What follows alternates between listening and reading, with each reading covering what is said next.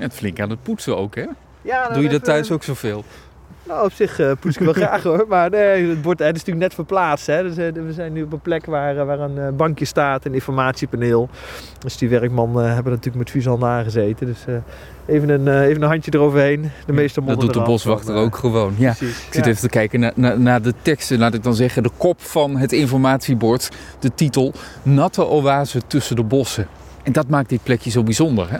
Zeker, ja. Het was natuurlijk een van wat helemaal ingeklemd eh, stond tussen, tussen het bos. Nou, dat is nu wel iets opener geworden. Dat zie je aan de overkant ook wel mooi. Hè? Er is echt wel meer openheid ontstaan. Maar eh, ja, uiteindelijk eh, eh, is er niet minder om geworden. Maar eh, ja, dat klopt. Het is gewoon een hele bijzondere plek. Hè? Wat ik vertelde, hè? er ligt hier dus zo'n groot paraboolduin omheen. En dus in het verre verleden is dat aan de ene kant is dat dichtgestoven. En daardoor is een soort laagte ontstaan waar dat water kon, eh, kon blijven staan. Ja, met de tijd vormt er zich een onderlaatbare laag. Een soort, soort bankven. Eh, ja, en uiteindelijk eh, blijft er water staan, gaan de planten groeien. Dus een heel groot deel waar we nu op uitkijken de overkant is ook echt hoogveen wat ontstaan is met de tijd. Vroeger turf gewonnen. Eh, dat is heel bijzonder als je kijkt wat voor geschiedenis het gebied heeft hoor. Er heeft dus vee gestaan in een heel deel van het terrein. Vroeger waren de sloten om het water juist af te voeren hier. Nou, inmiddels zijn die sloten natuurlijk done eigenlijk. Hè? Dus in de toekomst zullen we één sloot die er nog steeds is ook gaan, gaan dempen. Omdat er toch een soort hap uit het zoetbord is eigenlijk, waardoor water wegloopt. Eigenlijk allemaal maatregelen om te zorgen dat eh, de waterhuishouding dit gebied eh, eh, zo goed mogelijk en optimaal wordt voor de toekomst. Ja. Om dat verdrogen, dat grootste gevaar voor dit soort vennen eigenlijk tegen te gaan. Want hoe groot is dat gevaar? Stel, deze ingrepen hè, waar we het de afgelopen uren over hebben gehad, die zouden niet zijn gedaan. En die, die, die trekkers enzovoort, die zouden hier nu niet rondrijden. Wat zou dan de toekomst van het veen zijn? Nou van ja, het ven? kijk, uiteindelijk verdroging is natuurlijk echt een gevaar. En uiteindelijk moet je voorstellen als dat water lager komt, dan verandert die waterkwaliteit van het ven helemaal. Dat heeft heel veel gevolgen voor allerlei libellensoorten en andere plantensoorten in het ven. En we staan hier bij dat paneel, prachtig beenbreek, dodage staat hierop. Echt zo'n kar- karakteristieke futussoort voor het water. Eh, bijzondere libellen.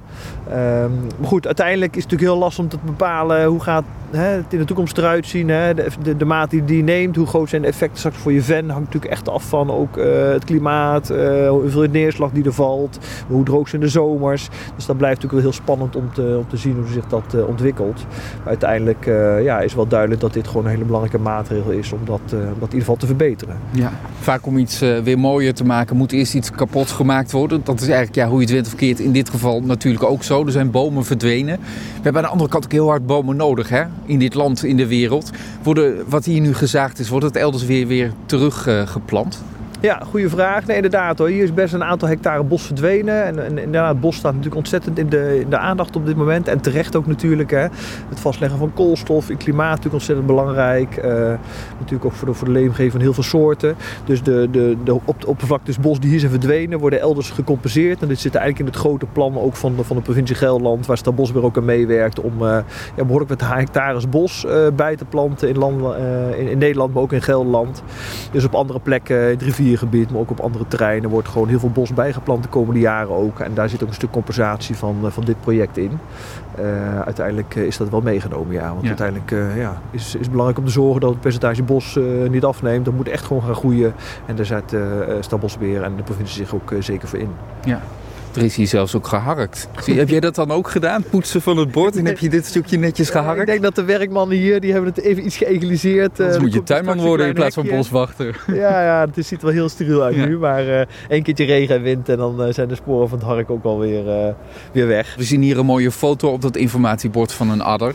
Ja, werkelijk een prachtige foto. Ik zit te denken, die liggen nu lekker te slapen. Die worden dit voorjaar ergens wakker. En die komen naar buiten en die kijken om zich heen. En die denken, wat eh, als je me nou, laat ik het zo zeggen. Nou ja, die zullen misschien aan het rand van de leefgebied komen en denken van hier ging ik vroeger het bos in. En nu, ik heb geen idee of ze dat besef hebben, maar... eh, Ja, waarschijnlijk wel. Het is, het is wel iets andere wereld waar ze in terechtkomen. En eh, ja, wat we zeggen, het belangrijkste habitat, zo hier vanaf het ven naar de iets hoger delen, dat is mooi intact gebleven. En uiteindelijk zou je inderdaad zien dat ja, dat uiteindelijk gewoon uitgebreid wordt. En dat ze ja, meer, meer terrein wat echt geschikt is voor die soort tot de beschikking hebben. Dus uiteindelijk eh, zullen ze er ongetwijfeld blij mee zijn.